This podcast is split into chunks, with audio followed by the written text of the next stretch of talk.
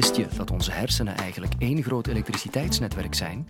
Via miljarden neuronen en nog veel meer synapsen worden constant elektrische signalen doorgegeven. Natuurlijk loopt het wel eens mis nu en dan en ontstaat er kortsluiting. Neuroloog Bert Brone van de Universiteit Hasselt verklaart hoe deze kortsluiting ook autisme uitlokt. Dit is de Universiteit van Vlaanderen.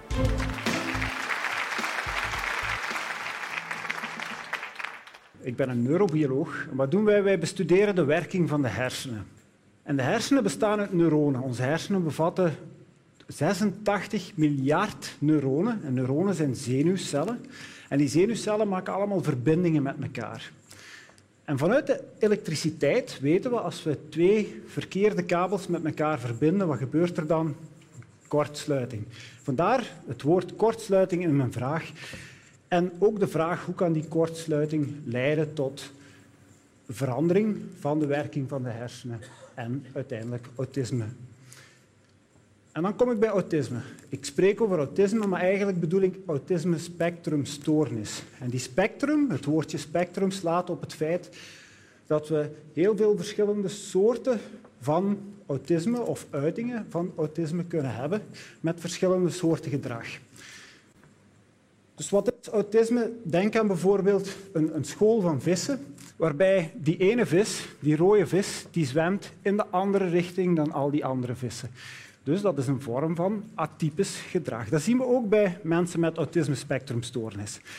Een aantal soorten van gedrag die veranderd zijn bij mensen met autisme is bijvoorbeeld sociaal gedrag. Mensen met autisme gaan minder gemakkelijk u in de ogen kijken. Andere vormen van gedrag die, die anders zijn bij mensen met autisme is bijvoorbeeld de communicatie. Kinderen, daaraan merken we het al heel vroeg, of kunnen we het heel vroeg merken. Kinderen gaan met autisme spectrum gaan trager leren praten en in sommige gevallen zelfs nooit leren praten. Um, het stereotypgedrag. Denk aan iemand met autisme die, zich, die zijn pantoffels altijd op diezelfde tegel naast zijn bed moet hebben om te kunnen gaan slapen. Of zijn pennen altijd in dezelfde volgorde op zijn bureau legt. Ook overgevoeligheid, slaapproblemen zijn dingen die uh, veelvuldig optreden bij autisme-spectrumstoornis. Soms, in de helft van de gevallen, is er ook mentale retardatie. Dat betekent dat ze een lager IQ hebben, maar dat is zeker niet altijd waar mensen met autisme spectrum kunnen ook een, een hoog IQ hebben en, en, zeer verstandig zijn en ook gefixeerd zijn op nummers. Denk aan of gefixeerd zijn op werken met computers. Denk aan Silicon Valley. In Silicon Valley heb je computernerds die alleen maar bezig zijn met hun computer en liever de rest van de wereld vergeten toevallig of niet toevallig treedt autisme of komt autisme spectrumstoornis veel meer voor in de buurt van Silicon Valley dan in de andere regio's in de Verenigde Staten. Goed, we weten nu wat autisme spectrumstoornis is, min of meer, maar wat ons, onze vraag is en onze vraagstelling in het laboratorium is, hoe komt dat nu? Waarom is het gedrag van die mensen anders dan bij ons allemaal? En dan gaan we kijken naar de werking van de hersenen. En wat, waar dienen onze hersenen voor. En onze hersenen die dienen om input die we krijgen via onze zenuwen, via onze zintuigen, krijgen we bijvoorbeeld geluid binnen. En geluid komt binnen, wordt verwerkt in onze hersenen en we gaan dan op een adequate manier gedrag vertonen als respons op dat geluid. Dus onze hersenen verwerken die signalen, geluidssignalen, en die gaan zorgen voor het juiste gedrag. En hoe werkt dat nu? Als we dan eens wat dieper gaan inzoomen, en we gaan eerst dieper en dieper inzoomen op de normale werking van de hersenen, om dan te gaan kijken wat er anders is bij mensen met autisme-spectrumstoornis. Nemen we nu bijvoorbeeld dat geluidssignaal. Het geluidssignaal komt binnen, via de oren uiteraard, en het gaat via elektrische signalen, via de zenuwen, langs de benedenzijde en de hersenen gaan binnenkomen. Centraal in de hersenen gaan de hersenen beslissen van geluidssignalen die moeten naar hier opzij de buitenste laag van onze hersenen, hier aan de zijkant, die gaat die signalen, die geluidssignalen gaan verwerken. Daarna gaat dat terug van die buitenste laag terug naar binnen, waar er dan gaat gekeken worden welke signalen zijn nu relevant. Denk aan het station. We komen binnen in het station en uh, er zijn heel veel geluiden. Er zijn treinen, er zijn andere mensen die praten. Maar ook die stem door de luidsprekers die zegt van ah, de trein naar Hasselt vertrekt op spoor 5. Dus dat is de relevante informatie. En dat is hier centraal in onze hersenen. Gaan we kiezen van welke informatie gaan we opletten. Dus de filter gaat zeggen van ah, die stem door de luidspreker is belangrijk. Daar gaan we ons gedrag op aanpassen. Dus wij wandelen naar spoor 5. En dat is onze hersenen. Ze, ze gebruiken die informatie, ze verwerken die en ze gaan ons gedrag aanpassen. We wandelen naar het spoor. En dan gaan we nog eens verder inzoomen op de, op de hersenen. En daarvoor gebruiken we een studie die uh, een Amerikaanse groep gedaan heeft. En die gaan de hersenen, mensenhersenen, post-mortem, gaan bekijken. En ze gaan van die buitenste laag, dus waar een deel van die verwerking gebruikt, een stukje hersenen uitnemen en ze gaan daar fijne koepels van maken. Die koepels worden dan verwerkt, die worden met de microscoop bestudeerd en we kunnen dan gaan zien dat de de verschillende neuronen in de hersenen een bepaalde volgorde vertonen. En het is heel belangrijk dat die volgorde juist zit, want de gegevens die binnenkomen, die geluidsgegevens die komen binnen, die worden eerst verwerkt in die buitenste laag en zo worden die laag per laag verwerkt. Die volgorde is belangrijk voor die verwerking en dus uiteraard om het juiste gedrag te gaan vertonen uiteindelijk als respons op die geluiden. Als we nu gaan inzoomen, dat zijn allemaal neuronen, allemaal aparte zenuwcellen. En die aparte zenuwcellen, hoe zien die eruit? Die hebben zo'n cellichaam, dat zijn die bolletjes, en die hebben lange uitlopers, een soort van elektrische kabels. En van de ene zenuwcel gaat er zo'n een uitloper naar... Die gaat dan eindigen, die gaat een verdikking hebben en die gaat in contact staan met een uitloper van een tweede zenuwcel. En op die plaats, aan die verdikking van die uitlopers, gaat de signaaloverdracht zijn. En dat noemen we een synaps. Dus die, die verdikking in die plaats waar die twee cellen samenkomen, is een synaps. Wat gebeurt er nu in die synaps? Het signaal komt van de ene cel tot aan het einde van die uitloper. En die eerste cel, die blauwe cel hier, die gaat neurotransmitters vrijzetten als signaal naar de tweede cel. Dat is een chemische stof, bijvoorbeeld serotonine, bijvoorbeeld dopamine. Een chemische stof die een signaal is van de ene cel naar de andere cel. En die synapsen die zijn de schakelaars. Dus die uitlopers van die zenuwen zijn de elektrische kabels en die synapsen zijn de schakelaars. Herinner u dat ik daar straks gezegd heb, die dus onze zenuwcellen zijn allemaal met elkaar verbonden, dus met synapsen. En die verbindingen, die schakelaars, kunnen wel eens fout gaan als we een verkeerde verbinding maken, als we verkeerde synapsen hebben.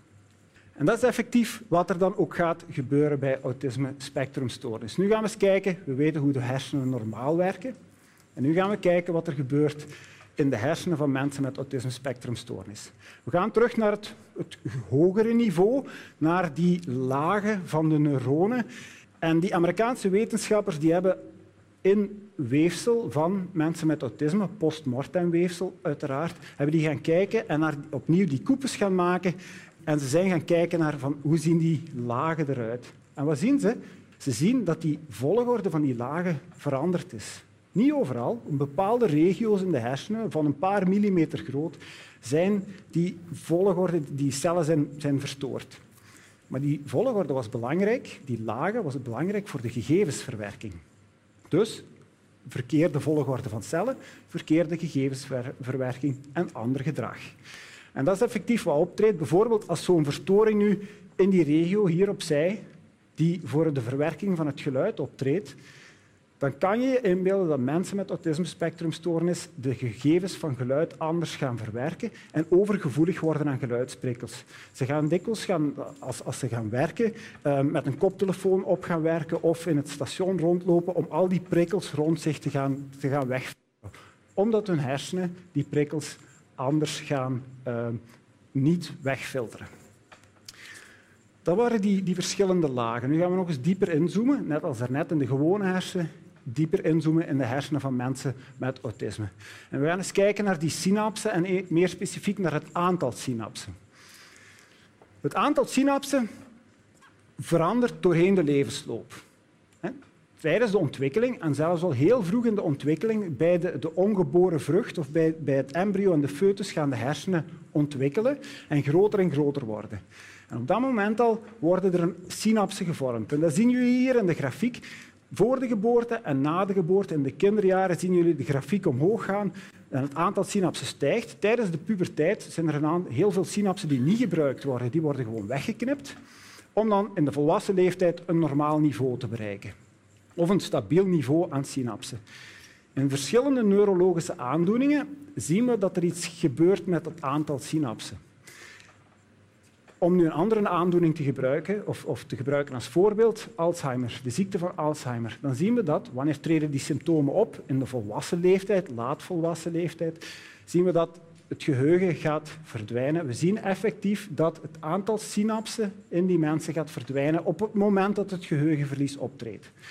Schizofrenie is gelijkaardig, maar schizofrenie treedt al vroeger op, tijdens de adolescentie. En effectief, het aantal synapsen bij schizofrenie, mensen met schizofrenie, gaat dalen, te vroeg gaan dalen, en gaat dalen en voor de rest van het leven te laag blijven.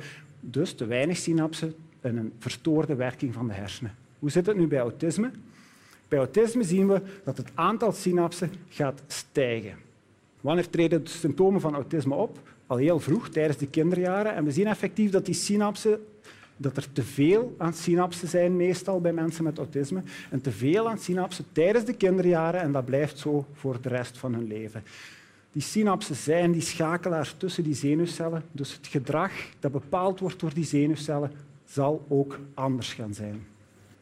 Nu weten we dat het aantal synapsen, verbindingen en schakelaars in de hersenen anders is. Maar ga nog eens inzoomen waarom, niet alleen het aantal, maar ook waarom die synapsen eventueel wel eens anders zouden kunnen werken.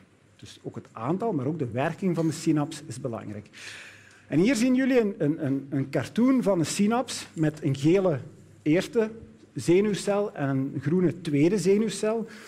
En we zien daar allemaal gekleurde bouwstenen die die synaps opbouwen of op, uh, opstellen. Die bouwstenen zijn allemaal eiwitten.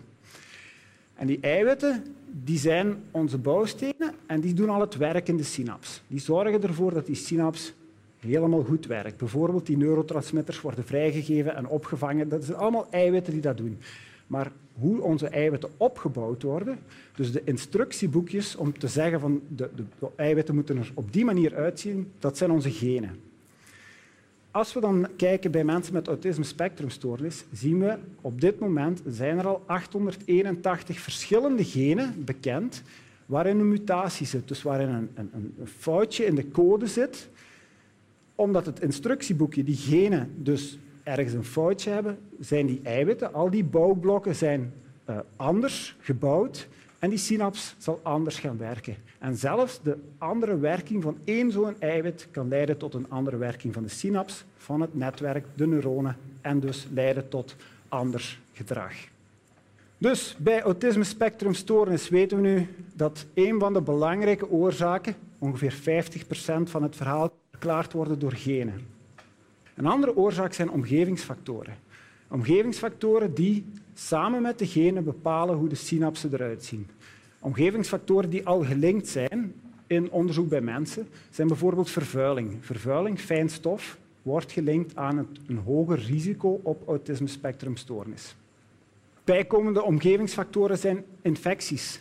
En ik denk dat de, de moeders onder ons hier eh, die wel weten dat ze ongerust zijn tijdens de zwangerschap als ze een infectie gekregen hebben. Het is niet geheel onterecht, want het, het, het is bekend. Infecties tijdens de zwangerschap worden gelinkt aan een verhoogd risico op autisme spectrumstoornis. Naast ook andere neurologische aandoeningen zoals epilepsie en schizofrenie. Dus we hebben omgevingsfactoren, we hebben genen. Genen en omgevingsfactoren bepalen de werking, de vorm van de synaps en de werking van de synaps. De werking van de synaps bepaalt het neuronale netwerk, de werking ervan, en het neuronale netwerk bepaalt het gedrag. Als er dan die kortsluiting komt, die verbindingen, die synapsen werken niet juist, het netwerk zit niet helemaal in elkaar zoals we het zouden willen, gaat het gedrag atypisch zijn en dat gebeurt bij autisme spectrumstoornis. Dus effectief een soort van kortsluiting in de hersenen kan leiden tot autisme spectrumstoornis.